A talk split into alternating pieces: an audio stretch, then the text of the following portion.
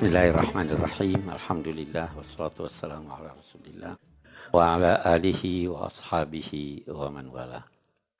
Bapak-bapak, ibu-ibu, saudara-saudara sekalian, Assalamualaikum warahmatullahi wabarakatuh. Uh, tema kita malam ini adalah kelanjutan dari iman kepada kitab-kitab. Sekarang kita mau masuk Quran. Oh, Mari kita lihat Al-Quran. Kita harus percaya pada Al-Quran. Sekarang banyak orang loh tidak percaya pada Al-Quran. Percaya sebagaimana yang dikehendaki makna percaya. Kita lihat dulu Al-Quran. Al-Quran itu apa toh? Al-Quran terambil dari kata qara'ah. Qara'ah itu membaca dari kata qara'a ini kata jadiannya bisa qira'ah, bisa Qur'anan. Kalau qira'ah bacaan. Biasanya, biasanya, walau tidak selalu, kalau bahasa Arab menggunakan kata dengan akhir alif dan nun, maka itu berarti sempurna. Jadi kalau saya berkata Quran itu bukan cuma bacaan, tapi bacaan sempurna. Itu sebabnya eh, kehidupan di akhirat dinamai hayawan. Hidup yang sempurna. Syaitan. Apa artinya syaitan? Makhluk yang sempurna kejauhannya dari rahmat Allah. Ya kan? Irfan pengetahuan yang sempurna. Rahman. Rahmatnya yang sempurna sehingga mencakup semuanya. Oke. Quran ini bacaan sempurna. Saya ada tulis begini. Ini memang aneh ini Quran. Anda ada tahu orang gemar membaca sesuatu yang tidak dia mengerti. Mau baca yang Anda tidak ngerti. Tidak ada bacaan kecuali Quran. Ya kan? Dan anehnya, yang paling pandai membaca orang yang paling tidak ngerti. ya, iya kan? Nah, ini satu. Anda pernah tahu ada bacaan yang diatur tata cara membacanya. Baca di sini berhenti, di sini mulai, itu kan ilmu tajwid. Tidak ada kecuali. Anda pernah tahu ada bacaan yang ditentukan adab membacanya.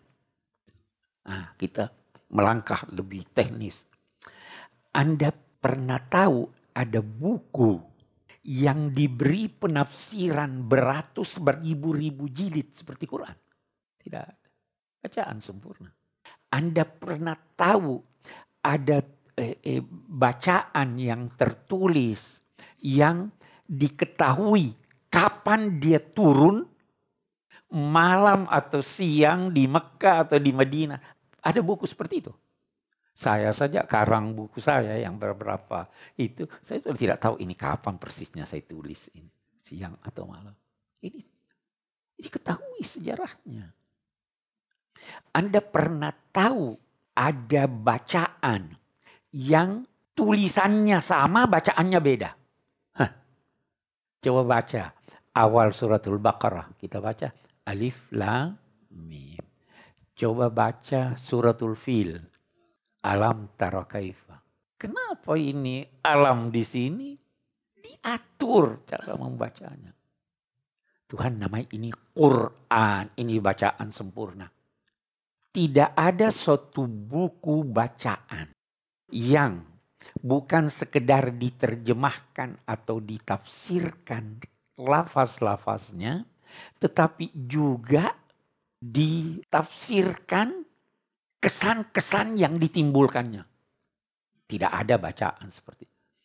Ada orang baca iza ja'a nasrullahi wal fath wa ra'aitan nasa yadkhuluna fi dinillahi afwaja. Itu orang tafsirkan. Tapi ada kesan, oh ini isyarat bahwa Nabi sebentar lagi akan wafat. Tidak ada bacaan seperti itu. Ini bacaan sempurna. Kita tidak bicara Anda percaya atau tidak. Itu kenyataan. Begitu. Itu kenyataan. Baik. Ini Quran. Quran ini wahyu Tuhan. Ya kan? Panjang sih ini kalau kita mau cerita. Kalau perlu kita lanjutkan nanti supaya kita paham ini Quran bagaimana. Uh, Nabi menerima wahyu. Wahyu yang diterima Nabi itu banyak. Banyak.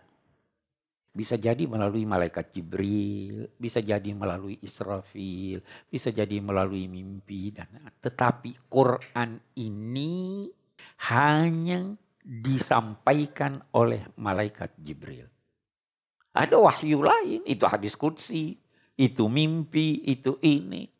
Tapi kalau Quran, wahyu yang disampaikan oleh malaikat Jibril.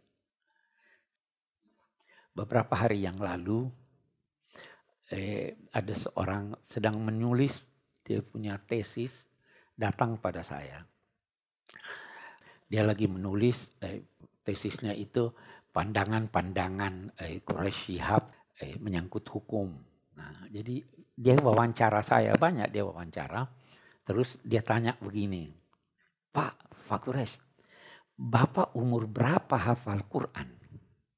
Sebelum saya lanjutkan, saya mau tanya, Bapak-bapak hafal Quran atau tidak? Tidak ya. Dengar jawabannya. Dia waktu tanya saya begitu, saya jawab begini. Ini jadikan pertanyaan Anda yang terakhir. Tanya dulu yang lain, kalau tidak ada baru saya jawab. Dia tanya ini ini, sudah tidak ada lagi Pak pertanyaan yang lain. Oke, baguslah. Bapak hafal Quran sejak umur berapa? Saya jawab kurang lebih enam tahun saya sudah hafal Quran. Dia terkaget-kaget. Baiklah, sudah selesai? Sudah selesai. Waktu dia mau berdiri, sini dulu. Jangan salah paham. Saya tanya Anda, apa itu Quran? Apa itu Quran? Dengar jawabannya. Yang dinamai Al-Quran itu adalah bahagian terkecil dari ayat-ayat yang diterima oleh Nabi melalui malaikat Jibril. Jadi kalau Anda hafal Bismillahirrahmanirrahim, Anda hafal Quran atau tidak? Hafal Quran atau tidak? Karena Quran adalah bagian yang terkecil. Saya bilang saya umur 6 tahun sudah hafal Quran. Karena saya sudah hafal Al-Fatihah. Kalau Anda bertanya usia berapa hafal seluruh Al-Quran itu lain. Jadi, bagaimana ini Pak? Udah saya tidak mau jawab. Karena itu tadi jawaban terakhir. Iya tahu. Jadi ah, jadi Quran begitu. Nah, ketika kita berkata Anda harus percaya pada Al-Quran, itu maksudnya di sini bukan hanya sebagian. Tapi Anda harus percaya mulai dari Bismillahirrahmanirrahim. Alhamdulillahirrahmanirrahim. Dari suratul Fatihah sampai kul a'udhu nas. Kalau Anda percaya cuma sebagian, tidak percaya yang lain, Anda tidak dinamai percaya pada Al-Quran. Nah, ini yang saya katakan. Ada orang yang berkata, udah deh, ini benar tapi ini keliru. Kita percaya pada Al-Quran. Kita percaya pada Al-Quran. Bahwa Al-Quran itu adalah firman Allah. Konsekuensinya apa? Allah maha mengetahui. Allah tidak mungkin lupa. Allah tidak mungkin salah. Nah, kalau begitu, ada yang salah dalam Al-Quran? Tidak ada. Tidak mungkin, karena dari Allah. Ada yang lupa dia sampaikan? Tidak ada. Rasul bersabda apa? Udah semua sudah sempurna. Kalau ada yang tidak disebutnya, itu bukan karena dia lupa, tapi dia kasihan sama kamu, tidak bisa disebut. Sempurna. Itu harus percaya seperti itu. Nah, tapi kita melangkah sekali lagi. Kita percaya pada Al-Quran bahwa itu firman Allah. Tapi pada teksnya. Bukan pada interpretasinya. Nah, ini yang biasa orang kan ini Quran bilang begini. Ya betul Quran bilang begitu. Tapi apa begitu maknanya? Belum tentu begitu maknanya. Saya kalau beri contoh pada mahasiswa, saya bilang begini. Tidak ada yang bisa memastikan makna suatu eh, susunan kata kecuali pengucapnya. Tidak ada yang bisa pastikan. Saya berkata begini misalnya, ha, saya belum makan. Apa maknanya? Bisa macam-macam maknanya. Bisa berarti masih kenyang ini, dia tidak makan. Ya. Bisa berarti saya belum makan, oh ini dia lagi lapar nih. Sudah bertolak belakang. Bisa berarti jangan habiskan makanan itu, saya belum makan. Bisa bermacam-macam. Yang tahu persis cuma saya. Begitu juga Quran. Yang tahu persis cuma Allah kita diberi kesempatan untuk menafsirkannya selama Anda telah memenuhi persyaratan penafsirannya. Ada orang yang lantas longgar kan, oh ya kan ini Quran turun buat saya, saya juga mau tafsirkan. Kita katakan tunggu dulu. Yang boleh membedah itu hanya dokter. Ya, dokter umum pun tidak boleh ya. Eh, eh, dokter spesialis. Begitu. Nah, jadi kita percaya pada Al-Quran bahwa mulai awalnya Al-Fatihah sampai Qul a'udzu itu teksnya dari Allah. Dan tidak berubah. Bukan saja karena Allah menjamin sedang kitab-kitab yang dulu itu tidak ada jaminan. Ini dia jamin bahwa kami pelihara kita sekarang mau lihat bagaimana caranya Allah memelihara Al-Quran. Karena kita percaya bahwa ini benar. Walaupun tadi saya sudah katakan interpretasinya bisa beda. Bisa beda. Itu ulama aja sudah beda. Begini.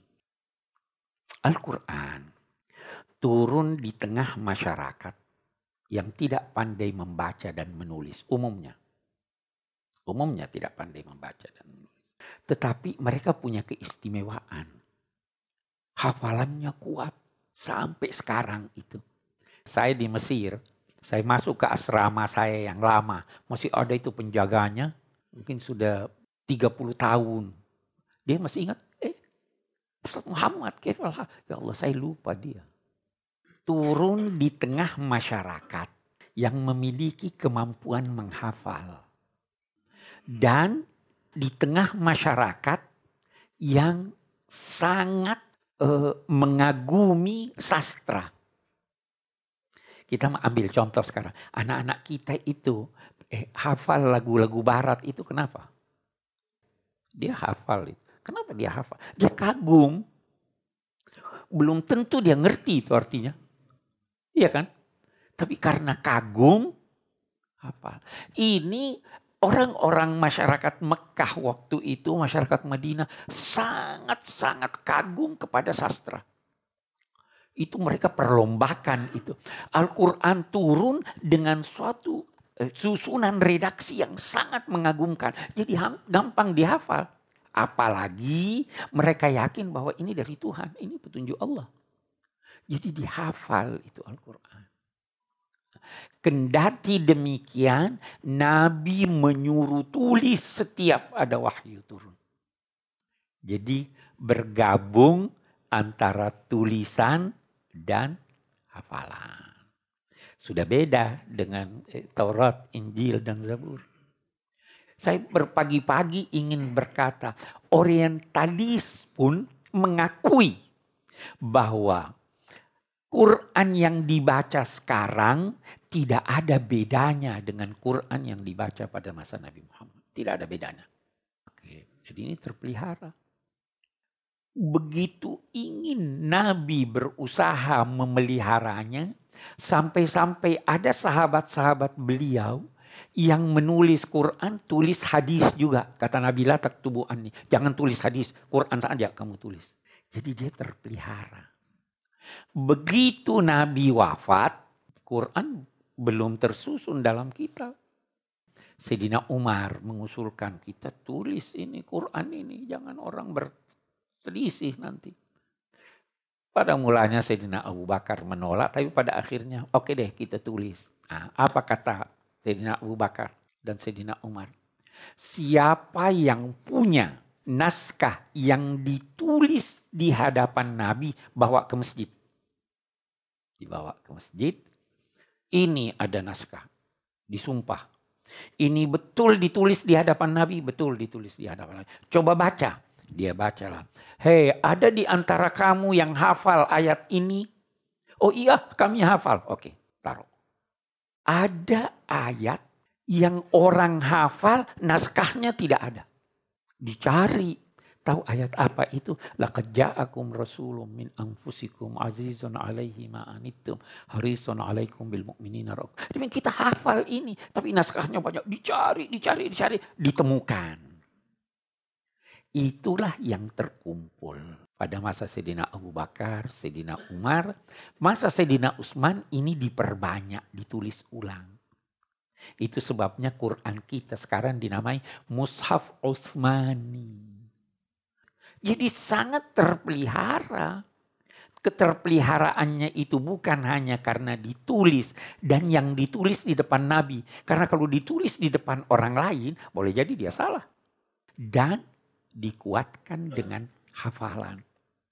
Karena itu, sekarang pun kalau ada orang mengaji salah baca, ada yang tegur atau tidak? Pasti ada yang tegur. Kalau tidak ditegur terang-terangan dalam hatinya dia ini salah nih. Karena dia utuh. Itu Quran. Kita harus percaya bahwa itu datang dari Allah. Kita harus percaya bahwa teksnya bersumber dari Allah. Sekarang ini anak-anak muda kita nih yang sukanya hanya niru dan sebagainya. Itu menimbulkan eh, eh, persoalan-persoalan. Dia katakan begini. Bagaimana bisa Tuhan yang tidak terbatas itu bisa berkomunikasi dengan manusia yang terbatas. Saya jawab sama mereka, itu kan problemanya orang Kristen yang Anda bawa kemari. Kalau kita udah selesai problema itu, bagaimana problemanya? Bisa membaca Al-Quran. Inna ja'alnahu Qur'anan Arabian la'allakum ta'qilun. Ada firman-firman Allah. Saya beri contoh dulu, saya beri contoh dulu supaya jelas ini. Kapan Anda tahu nama Anda? Kapan Anda tahu nama Anda? Jadi umur tiga tahun ya, dua tahun kita sudah tahu nama kita. Pengetahuan tentang nama Anda, Anda sudah ketahui sejak umur dua tahun. Kalau ada orang ketika Anda berumur 10 tahun atau 15 tahun bertanya, siapa namamu? Anda akan jawab, ya kalau dia tanya dalam bahasa Indonesia, Anda jawab dalam bahasa Indonesia. Kalau dia tanya dalam bahasa daerah, Anda jawab dengan bahasa daerah yang Anda ketahui, ya kan? Yang mana lebih dulu Anda tahu? Eh, yang mana lebih dulu pengetahuan Anda tentang nama Anda atau jawaban Anda tentang nama Anda? Yang mana lebih dulu? Pengetahuan saya udah tahu. Nah, Allah punya firman-firman. Itu sudah wujud sebelum wujudnya makhluk. Sebelum wujud makhluk sudah ada itu. Nah, kalau kita manusia sejak umur dua tahun kan atau kita punya nama sejak lahir sudah ada. Tetapi terucapkan waktu ada yang tanya. Nah, Allah begitu sekarang. Ini Quran ada pada diri Anda. Qaim bizatihi saya ingin menyampaikannya kepada kamu. Bagaimana caranya? Saya gunakan bahasa kamu supaya kamu mengerti. Kami menjadikannya dalam bahasa Arab supaya kamu mengerti. Saya beri contoh satu lagi. Kalau Anda mau mengajak ayam makan, pakai bahasa apa? Harus bahasa ayam. Nah, begitu juga.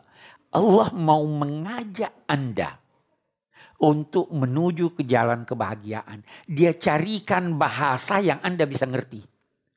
Maka kami jadikan petunjuk-petunjuk kami itu dalam bahasa Arab supaya karena kita kita kita jawab ini teman-teman kita ini. Memang manusia begitu tinggi, ayam begitu rendah. Bagaimana bisa terjalin komunikasi antara ayam dan eh, manusia? Kita jawab, bisa kalau manusia menurunkan derajatnya sehingga dia berbicara dengan bahasa ayam. Nah, begitu juga dengan Al-Quran. Al-Quran ini firman Allah. Tetapi dia susun dalam bahasa manusia. Nah, siapa yang paling tahu tentang produknya? Pabrik. Siapa yang paling tahu tentang manusia? Penciptanya Allah. Bagus. Kalau petunjuk itu datang dari bukan Allah bisa jadi salah. Bisa jadi tidak sempurna. Oke, kita melangkah satu langkah lagi. Untuk menyampaikan petunjuk itu diperlukan bahasa. Ya kan? Setelah saya tahu, oh ini orang saya mau beri petunjuk. Dia perlu ini, ini, ini. Maka saya akan sampaikan petunjuk saya. Saya perlu bahasa. Ya kan? Oke. Ini juga saya sering beri contoh. Yang mana lebih kaya?